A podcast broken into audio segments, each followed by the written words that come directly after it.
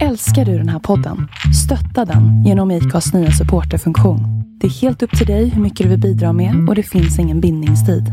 Klicka på länken i poddbeskrivningen för att visa din uppskattning och stötta podden.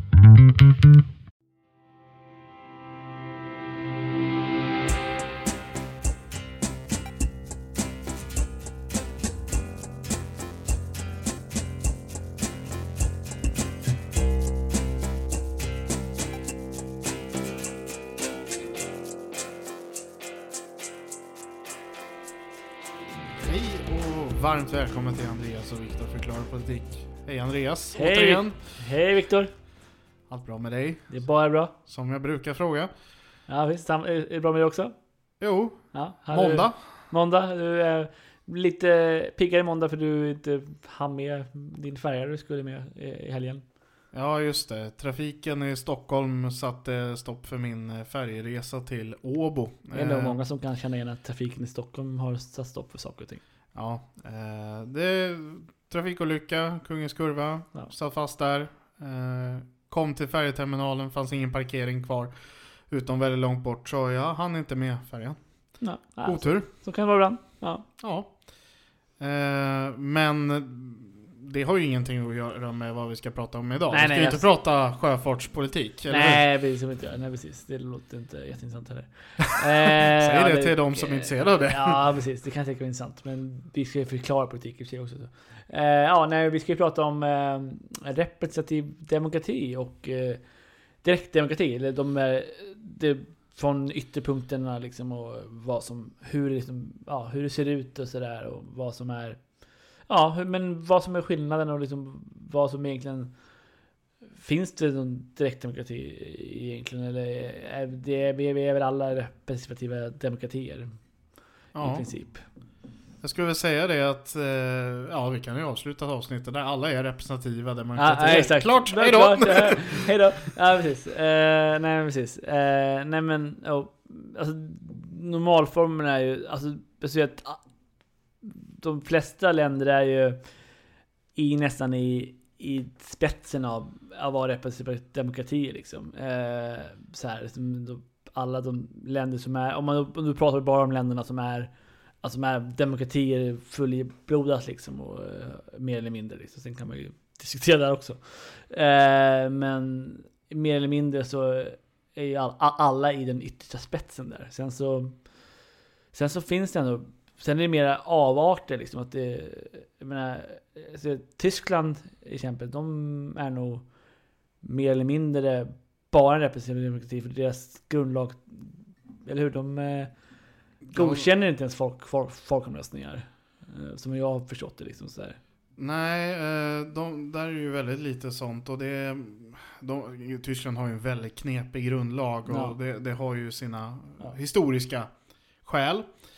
Som vi, ja, det vore intressant att prata om Tysklands grundlag och de eviga grundlagarna någon gång. Ja, absolut. Men man ser till, man kan väl ha Schweiz Mm. i den ena ringhörnan. Mm. Det är närmaste direktdemokrati vi kommer egentligen om man ska prata stater. Mm. Sen finns det ju föreningar och Mm. andra sammanslutningar som har mer eller mindre Mm. direktdemokrati. Men Även, även föreningar i stor, som man känner till eh, har mer eller mindre representativ demokrati. Även fast mer, vissa föreningar kanske har mer sådana inslag än vad... ja, och det är upp till dem själva. ja absolut så är det. Men, men om vi pratar stater så skulle jag väl säga att Schweiz är det vi kommer närmast. Ja, och på lokala nivåer i USA liksom, så finns det Ja. ganska direkta beslut som man både man väljer nästan allt, allt möjligt liksom så, här, så att, och man har ganska mycket beslut som Ja, allt från sheriff till Ja, åklagare, och domare, så här, skolstyrelse. Så, ja, sen får man rösta om alla möjliga typer av lagförslag ibland och sådär. Just det. Som, ja. Vote yes on och så en siffra. det är en rätt vanlig exakt. reklam man kan se i. USA. Precis. Men, men vad har vi Sverige då? Sverige, ja men Sverige, vi har ju vi är ganska, vi är ganska typexempel på en representativ dem, dem, demokrati. För att jag menar, det enda bindande besluten som väljarna kan ta, det är när man väljer våra representanter till riksdagen eller lokala nivåer liksom. Mm. och regionala. Alltså det, ja, det, det, och det det är de representanterna, de tar bindande beslut på, lag, på lagstiftning och skatter och budget och sånt där. Medan sen så finns det, kan man kalla till olika folkomröstningar på lokal och eh, nationell nivå. Eh, regional nivå, Viktor? Ja, eh, regional nivå, det är ju kommunallagen som styr där också. Ja, just det. Mm. Så att säga, eh, så det går ju. Ja. Eh, och- Men sagt, men det, de är ju inte bindande som sagt. Så det, så det, det går ju att kalla till dem.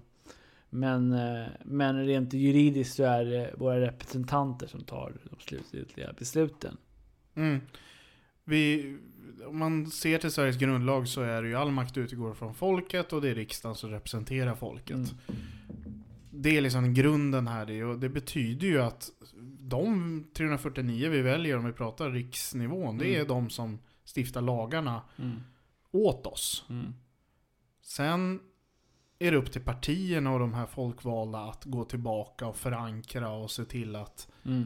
man tar med sig Mm. medborgarnas åsikter in i Mm. riksdagsarbetet. Mm.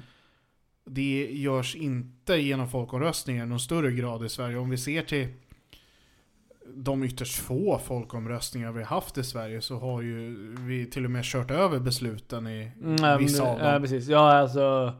Ja, inte den första. Den första folkomröstningen vi hade i Sverige på... eh, Ja, även både... Utifrån både lokal och eh, nationell. Det är ju en nationell folkomröstning. Och det var ju så det kallade rusdryckningsförbudet. Rusdrycksförbudet ja. Ja, ehm, och som betyder al- alkoholförbud. Mm, På ren svenska idag. Eh, och där blev... Klassiska valaffischer man ser där. Liksom. Ja, exakt. Ja, just, just det. Ja. Kräftor kräva dessa drycker. Ja, just det. Precis, precis. Just det, just det. Eh, och, där, och där blev det ju ett nej. Men ganska knappt. Eh, 51%. Ja, 51 procent, precis. Eh, så där blev det ett Så den respekterades också liksom. Men den skap, konsekvensen av den folkomröstningen skapade ju splittrar i ett visst parti som vi själva är medlemmar i idag. Eh, som Mm. splittrades i två partier. Sen, sen efter typ 20 år så kunde man förenas igen liksom. Ja. Och eh, här kan man ju fråga, alltså vi pratar om kräftor här. Den här folkomröstningen ägde rum den 27 augusti 1922. Mm. Mitt under kräftperioden. Ja, man kan ju fråga om vad, hur, hur det påverkade, om det faktiskt var så att... Eh, ja, att, eh, att eh, folk kände oj oj. Det kanske var också därför man hade de, de där... Den Ja, affischen var, var, var väldigt passande att ha just, i, just den här, den här eh, slutliga valkampanjen liksom. Att det var väldigt, det blev väldigt... Eh, Ja, men det blev tydligt kopplat till årstiden. Ja, exakt. Ja, precis. Så det, och det kan nog påverka. Säkert att det var så jämnt så kan det säkert vara så att de hade det varit i januari då typ ingen har pengar för någonting i alla fall för man har just supit upp allting efter, efter julen så kanske man har tänkt ja men det här är alkohol kanske inte är så bra så vi kanske Mm. eh, och kanske inte har haft råd att ta sig ens till vallokalen. Ja. Eh, någon som vet mer om eh, rusdrycksförbudet 1922, alltså den folkomröstningen och om eh, kräftsäsongen spelade in, hör gärna av er, det vore intressant att veta. Ja absolut. Men det var 55,1% valdeltagande i den här folkomröstningen så det var väldigt jämnt. Och det var första folkomröstningen, eller nej, ja, den första, första. folkomröstningen och den första gången kvinnor fick rösta. Just det. Så eh, det här nu, så jag kallar killgissare eller kvali, kvalitativ eh, gissning är ju att att det hade förmodligen blivit stark, även starkare, jag tror att det hade blivit starkare än nej om det bara hade varit män. Eh, min eh, intuition säger detsamma. För jag kände, det var ju män... Om, om man ser till den historiska delen här och nu går vi väldigt off topic här men alltså, det, det var ju just Männen kom hem fulla, de i vissa fall fick lön Ja. i brännvin, Ja. alltså det, det var ett stort problem, alkoholismen. Och man ville göra någonting åt det här och eh, i USA Samtidigt var det den här rörelsen och där blev det ju ett rusdrycksförbud. Mm. Det slutade ju lite halvdåligt kan Ja, man säga. man, och det, eh, öppnade, man öppnade luckan för kriminella organisationer som man fortfarande kanske... Eller fortfarande inte samma organisationer, men fortfarande så här. Ja, man- Al Capone ja. Al Capone, men eh, i och för sig så fick man ju också en, en, eh, en federal polisorganisation som man inte hade, ha- hade innan. Så att, eh, Sant. så att det kan man ju både, om det är både negativt eller positivt, det har man ju olika, utifrån sin politiska filosofi så kanske det är ja, olika. Ja, Men, Men okej, nu, är nu är väldigt off topic här. men, men om vi går vidare så dröjde det ända till 1955 innan det var dags igen. Just det. Det var ATP va? Nej, Nej. det var eh, två år senare. Det var Ja, högertrafikfrågan. då, här. ja, ja, ja, ja. Och den blev ju väldigt... Eh, det var väldigt eh, tydligt eh, nej, Nej. till att byta, eller hur? 82,9% Ja, röstade ja. nej. Så att vi kör väl vänster, vänster sida idag i Sverige, eller hur? To- nej. Nej. Håll till höger Svensson. Jaha. Jag håller till höger Svensson Jag håller till höger annars slutar det bara med en smäll Så okej, Nej, men eh, ja okej, det var ju intressant. okej, nej, jag, har, jag har körkort så alla vet det, jag, och jag, jag kör på rätt sida. Däremot så, jag är ju brevbärare också, så jag, jag, jag kör ju på fel sida. Jag kör inte på fel sida, men jag, jag har ratten på fel sida. Eh, när jag kör. Det, det, det är ju ett anledning till att jag bara ville byta från eh, vänstertrafik till högertrafik. För alla körde runt med liksom västeuropeiska bilar där Ja.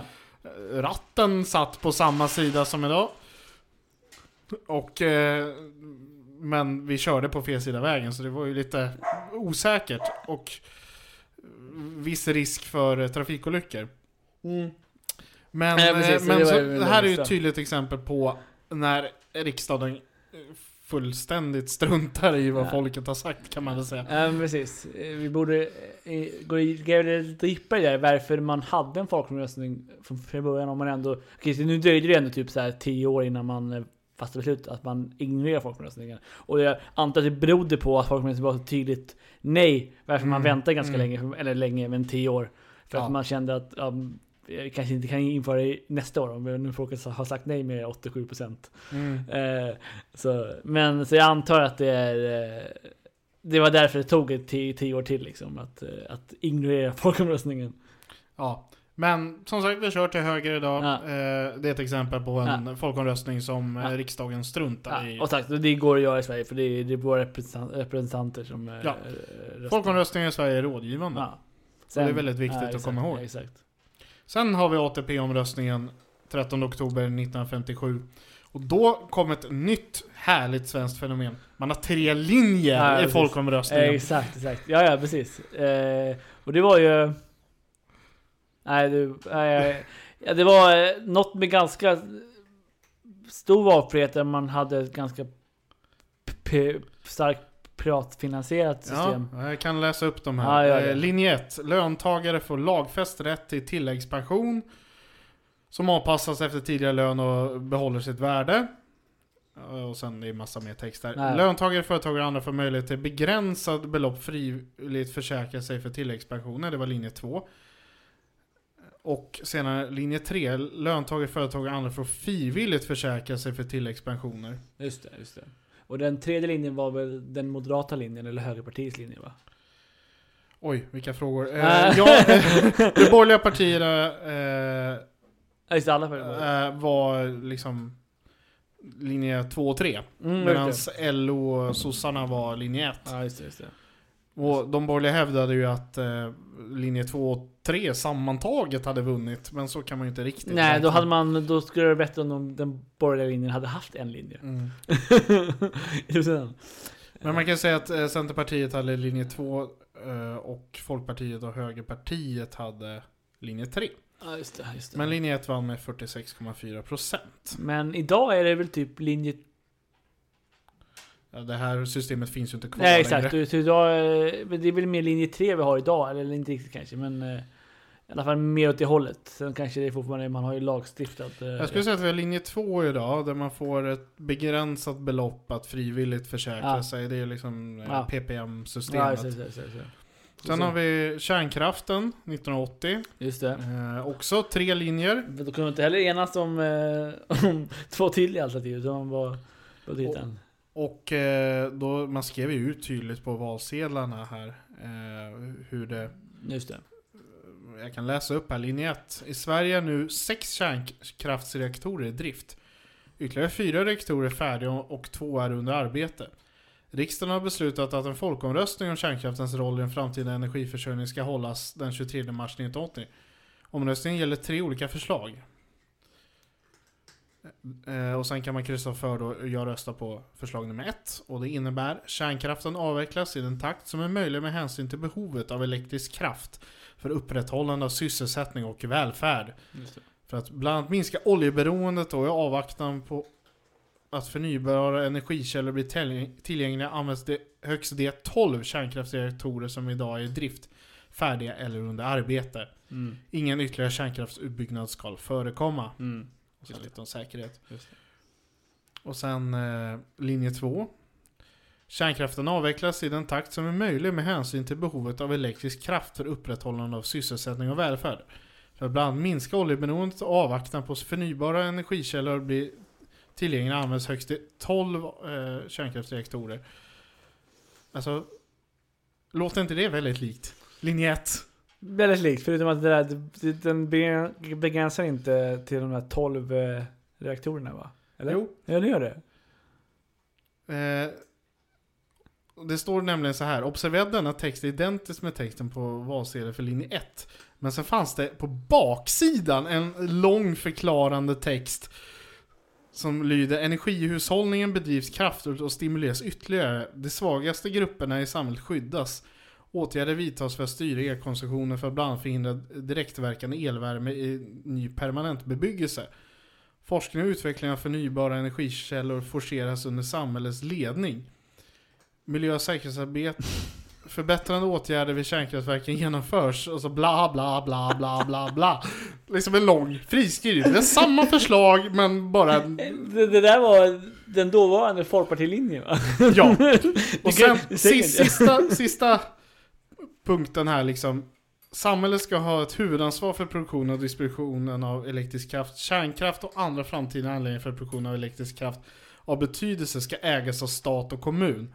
Övervinster i vattenkraftsproduktion indrages genom beskattning. Och det, därför vill inte Moderaterna ställa sig bakom den här linjen. Aha, okej. Så då kom den linje 3. Eller ja. Eh, Eller ja.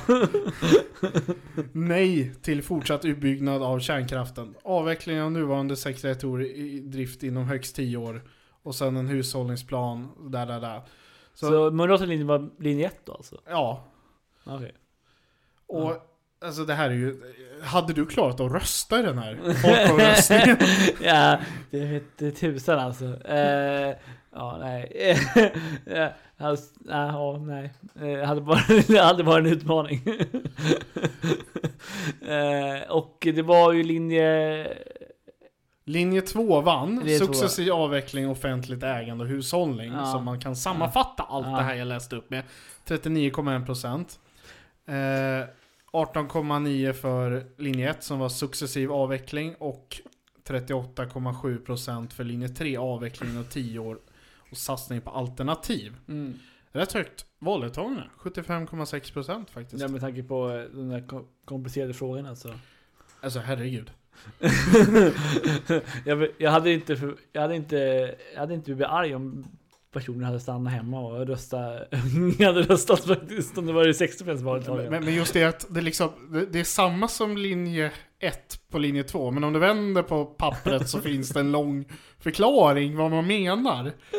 Som en liten... Eh, ja, det är typiskt folkpartistiskt. Uh, ja, det är intressant. Eh, och ja, vad säger den från folkomröstningen? Vi har ju fortfarande kärnkraftverk idag. Och vi har ju faktiskt en ny form av energipolitik som inte följer linje 2. Eller någon av de linjerna. Ja, den här... eh, Alltså, vad ska man säga? Det här är ju absolut liksom i och med eh, energiuppgörelsen. Ja, som under- säger att teorin får man bygga mer. Ja, Eh, Bara att det offentliga inte ska lägga pengar på det exakt. i princip. Eh, EU-omröstningen som är snart här i 25 år sedan. Ja, just det. 13 november 1994. Då var det lite enklare igen. Ja eller nej. Ja, Eller blankt. ja, Ska vi gå med i EU? ja. Och det var, det var, det var jämn. Den var jämn. 52,3% för ja och 46,8% för nej. Och ännu högre valdeltagande. 83,3%. Mm. Det är det högsta i en folkomröstning på statlig nivå. Ja. ja. Sen hade vi lite EU till igen. 2003, 14 september. Ska vi gå med i euron? Mm.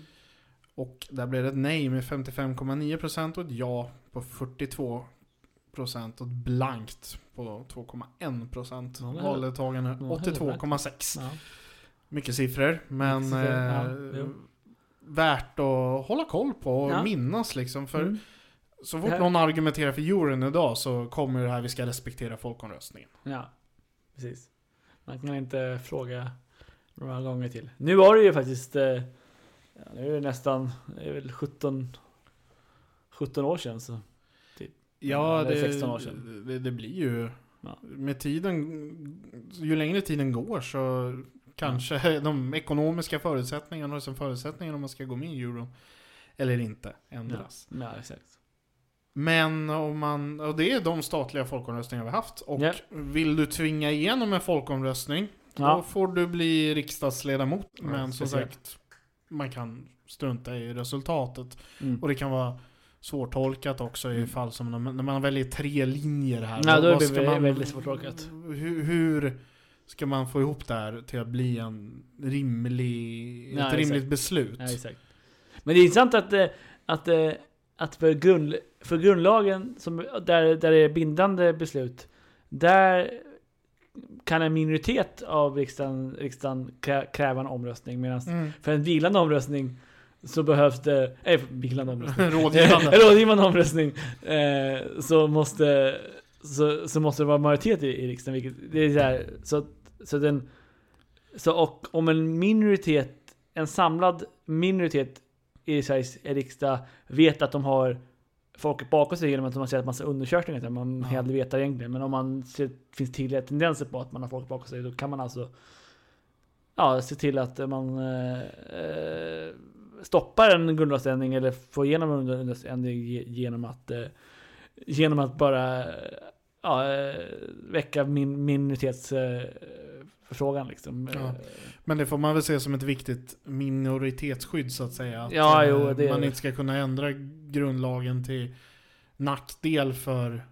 Nej, absolut. Sen, är ju liknande. en majoritet av folket fortfarande. Så det är, ju- ja, Ja, det, det, folket bestämmer men liksom Mm. partierna i alla fall. ja, ja, möjlighet att ja, säga ifrån och de man Ja. representerar har då Ja. möjlighet att precis. stoppa det här. Ja, oftast är det så att så här, grundlagsändringar i Sverige, ja precis, det är bra så, för det är oftast så är försök, i Sverige så ändrar vi sällan- grundlagen utan en bred ma- majoritet. Men om man nu skulle försöka eh, så, ja, så, så har med den här fall en tredjedel som kan eh, stoppa det liksom. Ja. Eh, så man måste i alla fall, så där, därför kommer man nog alltid försöka se till i Sverige att man har minst två tredjedelar med sig av Sveriges riksdag när man änd- ändrar, ändrar grundlagen. Mm. Vilket man förmodligen har haft de senaste grundlagsändringarna. Nu, nu, nu har vi pratat mycket om folkomröstning här, men i, i grunden handlar ju den här diskussionen om representativ ja, och Ja, det, ja. direktdemokrati. Ja, precis. Och om man backar tillbaka till det, alltså vad är utmärkande för en direktdemokrati? Ja, ja precis.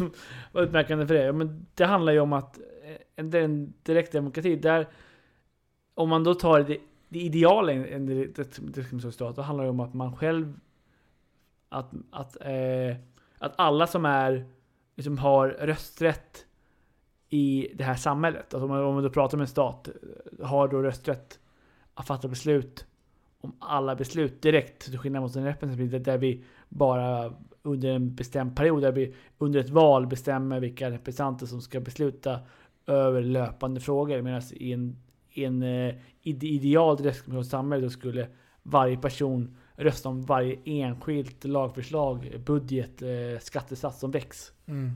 Eh, Nu finns det inget sådant samhälle och det skulle förmodligen vara ett extremt eh, jobbigt samhälle att styra och vara tjänsteman, tjänsteman i framförallt tror jag. Ja, ja, men om man tänker liksom demokratins genombrott i Aten under Ja. antiken. Ja. Det, det är väl väldigt nära direktdemokrati. Ja, ändå. exakt. man, man samlades i stan och liksom Ja, på torget. på torget och höll omröstningar om olika saker. Ja. Och vi har i Schweiz Ja. på väldigt få ställen kvar den här traditionen. Men det finns ett, vissa kommuner i två kantoner i Mm. Schweiz som fortfarande har det här systemet där man samlas på stadens Mm. torg en gång per år och så Mm. genom handuppräckning fattar man olika Mm.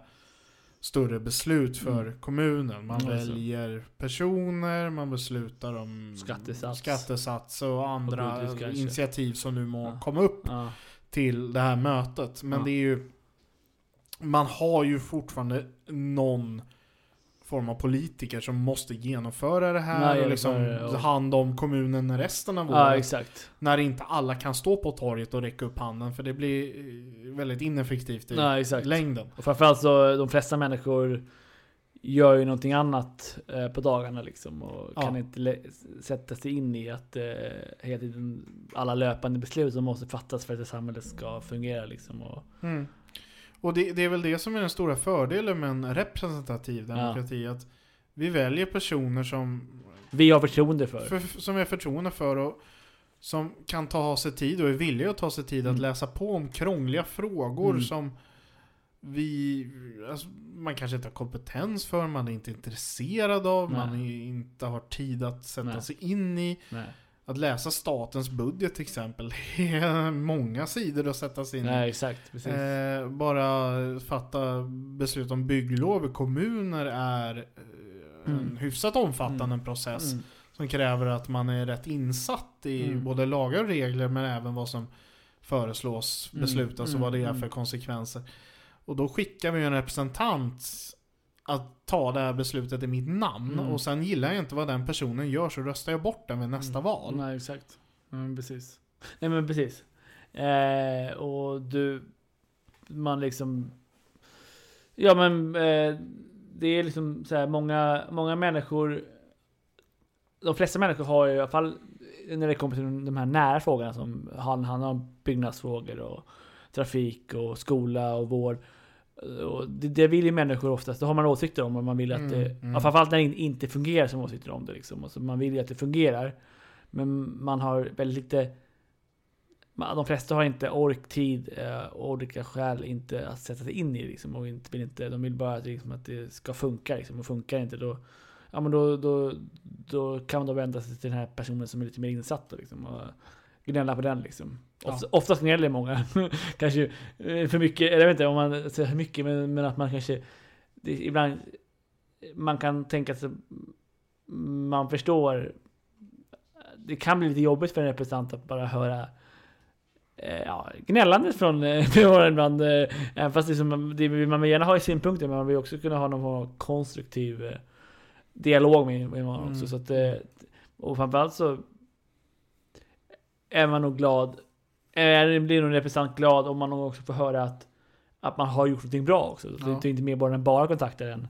Som du är en medborgare där ute som tänker att eh, ja, jag har, brukar ofta få mejla in när jag gnäller på någonting. Så Ja. tänk på att om någon du är nöjd med någonting så kanske du kan tänka dig att skicka iväg det här mejlet till din representant i fullmäktige eller skolnämnden eller byggnadsnämnden eller vad det nu kan vara liksom. Så att, Gör din politiker glad, säg till när de gör något bra. ja visst, du ska se till att du liksom ser till när du är missnöjd också. Ja. Och då ska du helst, helst ska du också vara konstruktiv. Du ska, inte helst inte skicka något hot, förtäckta hot. Så liksom, eh, helst konstruktiv kritik också. Liksom. Så det, men, och det, det, det uppskattas också, det vill man gärna ha.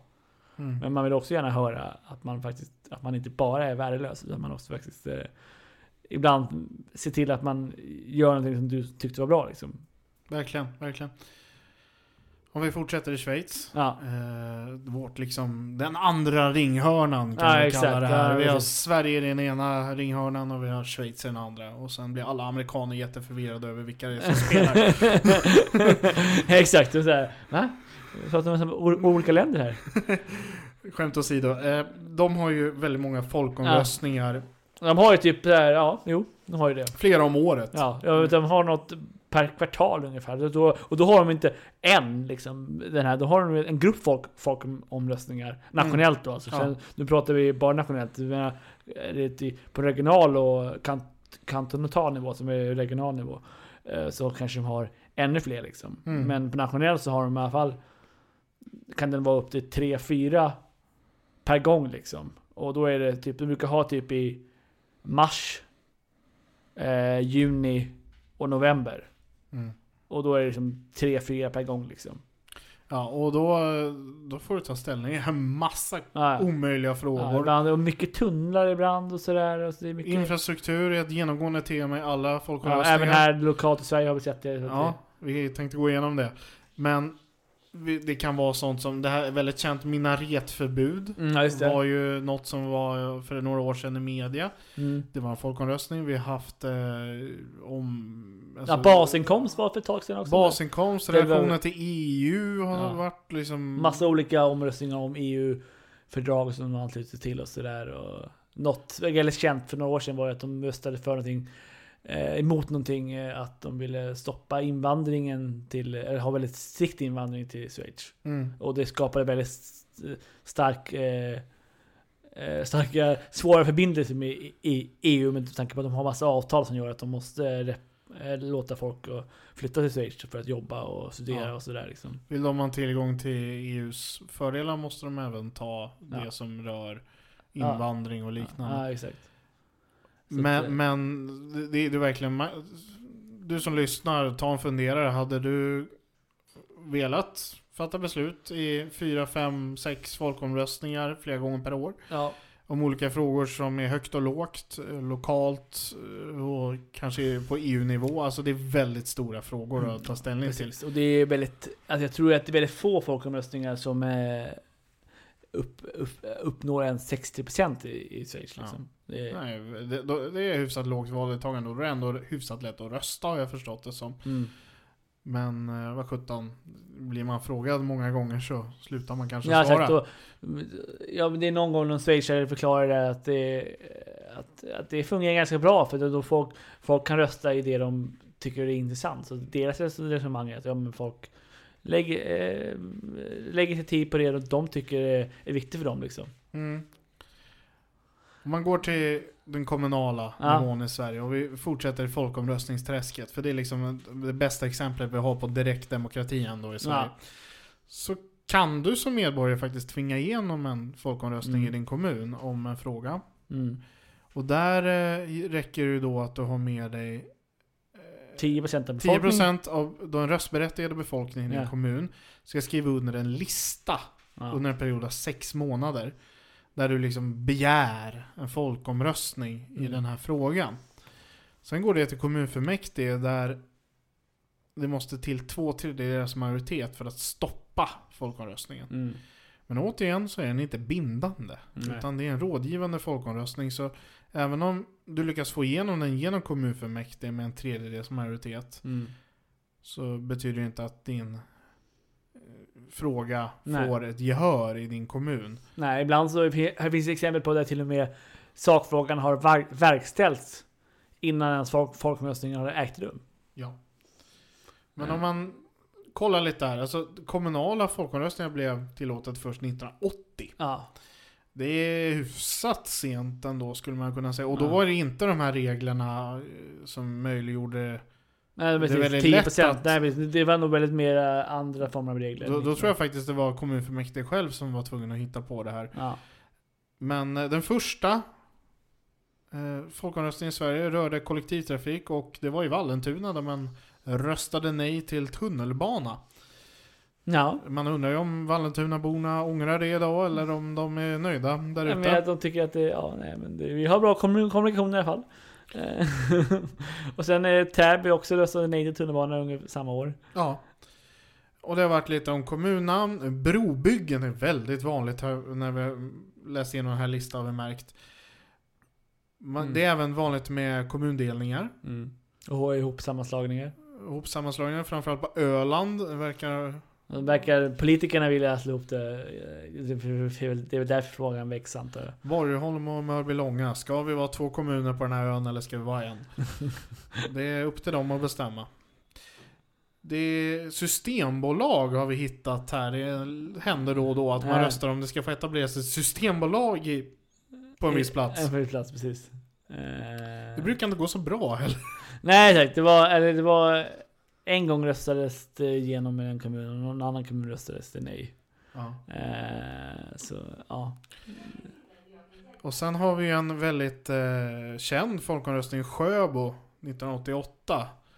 Eh, kända Sjöbocentern. Ja, det. det. rörde ju flyktingmottagning i Sjöbo. Ska Sjöbo kommun ta emot flyktingar? Och, Ja. Eh, Ja, det blev jag precis. Det var ju väldigt... Centerpartiet var liksom ledande i att inte vilja ta emot Nej visst, det var ett annat, eh, det var ett annat center. Okej, Han var ju för sig, blev ju väldigt kontroversiell center även då. Så. Ja. Eh, Han lämnade ju center. Eh, Men ja, så det, det är också ett exempel på... Här, här är en liten rolig som jag hittade. Att i Söderhamn så röstade man 1994 om man skulle bli en landstingsfri kommun. Mm. Det här kan vi prata om någon gång, men fram till ungefär då så kunde man ju vara en kommun utanför ett landsting. Men det var ju i princip bara Malmö, Göteborg och Stockholm. Och Stockholm gick ju hyfsat tidigt in i lan- landstinget Stockholm. Men Så, man, eh, så man skötte, då fick kommunen sköta... då fick kommunen sköta sjukvården. Och kollektivtrafiken och sånt där själva. Ja, Om man nu ville ha något sånt. Men alltså, om man ville ha det. Så fick man lösa det själv. Och, eh, Malmö till exempel gick ju in i Region Skåne när Region Skåne bildades. ja det. Det här är väldigt långt ifrån dagens ämne, men kanske väldigt intressant kuriosa. ja, precis. Så det, ja, men ja. Men, Men, men då liksom så här. Då fick Malmö stad själva sköta Mm. sjukhuset och sjukvården. Och det, ja, det går väl, men du slipper, eller du får inte de här stordriftsfördelarna Nej. som är tanken med ett landsting eller en region som det är idag. Mm. Att du kan ha lite större enheter som Mm. då håller uppe kompetensen. Jag tror verkligen Söderhamn inte hade Nej, förmodligen inte. De, klarat de, av det här. Nej, men det var väl något så här, jag antar att man kände att man ville ha makten närmare sig. Så det var förmodligen ett sånt exempel antar jag. Det Mm, låter som mm. att det så här, brukar vara så liksom. Att det förmodligen låg eh, regionen, landstinget för långt ifrån liksom. Att man ville ta makten över det själv. Sen har vi trängselskatten i Stockholm. har varit två folkomröstningar om. Mm. Och det har ju varit lite olika kommuner, eller olika kommuner har det knappt varit som fick rösta. Men vissa kommuner i Stockholms län fick rösta Ja. om man ville ha trängselskatt. Ja. Och eh, första så blev det nej överallt. Mm. Man vill inte ha det här. Sen drev man ju igenom då ändå att det skulle bli ett försöksverksamhet. Mm. Och tre år senare hade man en till folkomröstning och tyckte staden att ja, det här var jättebra. Och ingen annan av kranskommunerna ville ha en trängselskatt. Det var samma kranskommuner som fick rösta då som förra gången. Så det var bara inga, inga röda kommuner, bara de blåstyrda kommunerna fick, fick eh, rösta båda gångerna. Ja, Nynäshamn var väl Ja, Nynäshamn, då. de, de var väl rösta, de var, de var styrda av Liberalerna så jag antar att det var väl med samma. Liberalerna och Socialdemokraterna var det Så då. att, ja, precis. Skolorganisationer, hyfsat vanligt. Mm, Eh. Där får man ju gå lokalt och se vad det är man har önskat där. Så broar, skolorganisationer, systembolag, kommundelningar och Ja. ibland Verkar kommunsammanslagningar. vara Det lite, verkar vara lite allt möjligt de, eh, de eh, får rösta om faktiskt. det, det men det är byggnationer av olika. Det har varit lite om vindkraft och anläggande och simhall här och så Mm. vidare. Men det är det man väljer att folkomrösta om i Sverige helt Ja, enkelt. alltså en av de senaste, förutom den här att det var också var om, igen så röstade Öland om man ville bli en kommun eller inte. Eh, så röstade också Svedalen nu i, i valet om att acceptera bygga av fäng, fäng, fängelse. Mm. Det gick inte så bra för fängelset. Nej, det var många som kände att de inte ville ha fängelse i kommunen. Att det är väl, alltså där, rent utifrån ett bara... Jag förstår invånarna så liksom, för att folk... Det behöver ju byggas fängelse någonstans, men det, ja, man förstår att folk känner att om man får frågan att vill du bo, bo granne med fängelse? Bara rakt upp ner utan att veta vad det ska vara för typ av fängelse så förstår jag människor bara så här spontant känner att det inte är det roligaste. Ja, och den där fängelseplatsen skulle verkligen behövas i Sverige just nu. Så Ja, exakt. Det är synd att de är... Någonstans måste de här eh, anstalterna finnas. Ja, men så är det. Precis, exakt. Men om vi försöker sammanfatta det här då som vi har pratat om här nu. Yes. Representativ och direktdemokrati. Ja. Eh, ja. Vilket system är bäst? Ja, det nu... nu nu kommer vi tycka lite ifrån vårt eget poddämne att vi ska förklara någonting. Men eh, absolut, men om man då, om man då ska säga, jag, jag har ju Du kan ju varit... förklara det genom att svara på frågan. Ja, så här, alltså, jag tycker representativ dem, demokrati är bäst. Men jag tror att vi skiljer oss lite i att jag tycker att vissa folkomröstningar kan vara okej ibland. Alltså beroende på vad, om det verkligen är Alltså jag...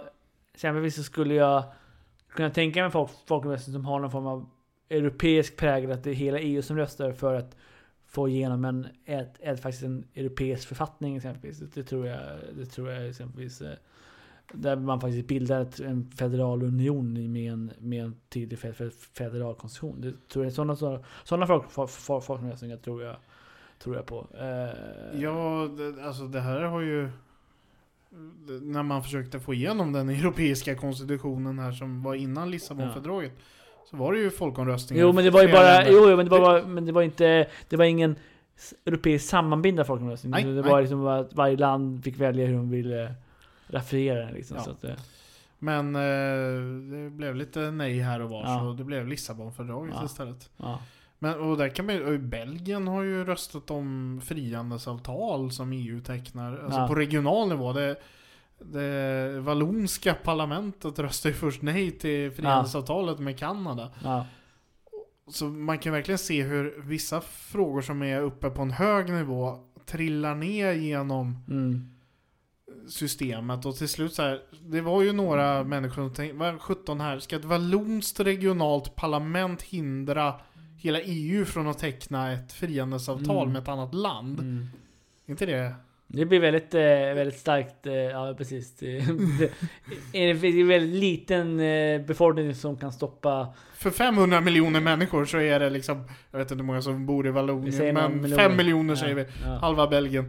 Typ precis. Så, jo, det blir väldigt, eh, väldigt orättvist. Eh, väldigt orättvist eh, stopp liksom. Att man kan stoppa med så liten liksom. Eh, så ja, nej. Det ligger någonting på en viss nivå. Då bör det liksom vara, vara där man fattar beslutet. Oavsett hur man fattar beslutet. Om det ska vara Europaparlamentet eller om det ska vara ministerrådet. Eh, Mm.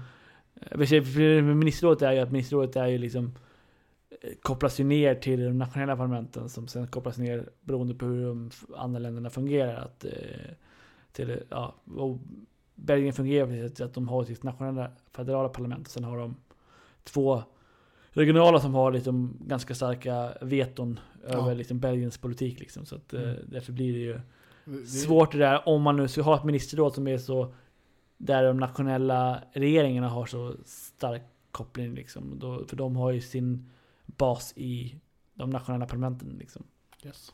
Eh, så men alltså, ja, så det är svårt det. Men annars sidan så man skulle kunna tänka sig i till exempel författningsfrågor att man istället om man istället har att det, ett bättre scenario skulle kunna vara att man har en form av när man ska skriva en författning att man att man väljer ett folkvalt, ett specifikt assembly, alltså ett specifikt Konvent. konvent, alltså folkvalt konvent där man faktiskt väljer ihop och så får de skriva ihop den och sen får man så, så då ger man mandatet så istället. Så det blir lite mer så Mm. blir det ändå mer demokratiskt men det är fortfarande så så blir det ändå lite mer folk som sätter sig in i frågan mer än bara Det, det, det är väl så som om, man, om USA av någon outgrundlig anledning skulle få för sig att helt skriva om sin konstitution.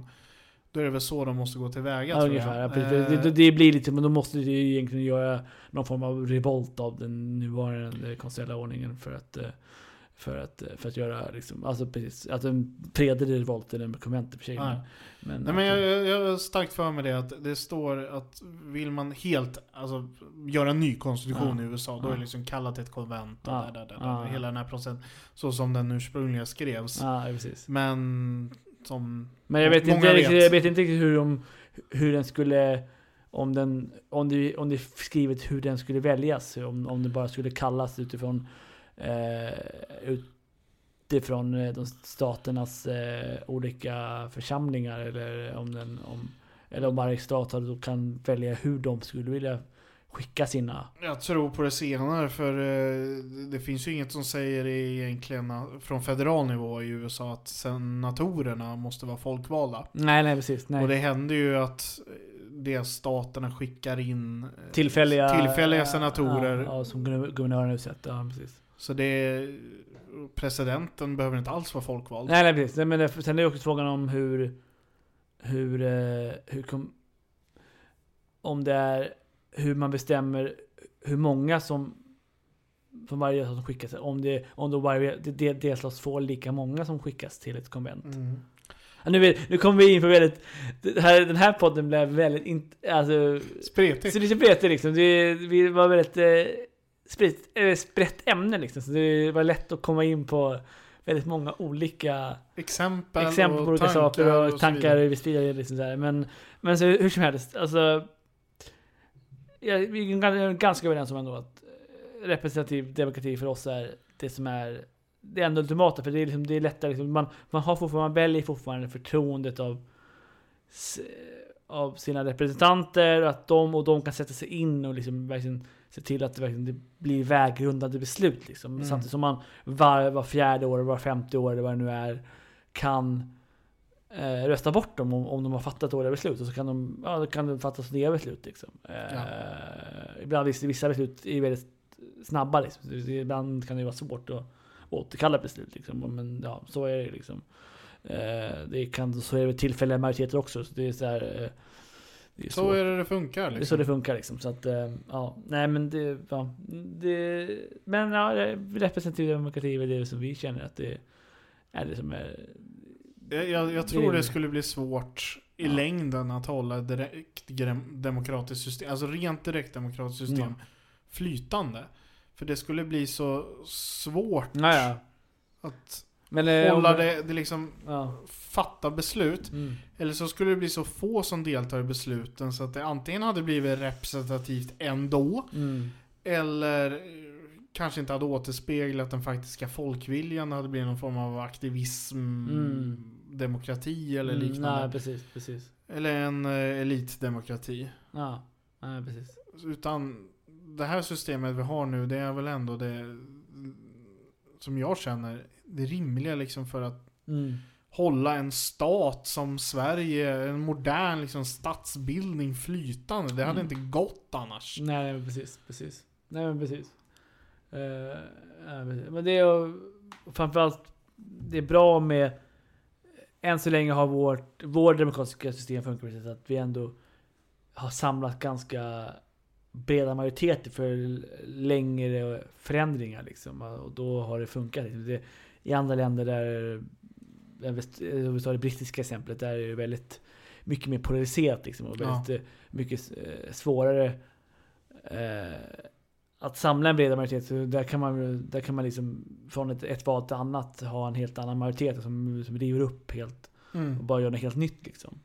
Så att det, så att det, så att det, så att det även fast de har representativ demokrati så är deras system lite mindre Alltså i alla fall i dagsläget mi- mindre, min- mindre fungerande på, på grund av det liksom. Mm. För att de inte söker eh, bredare majoriteter för sina eh, för, för, för, för, långvariga förändringar. Ja.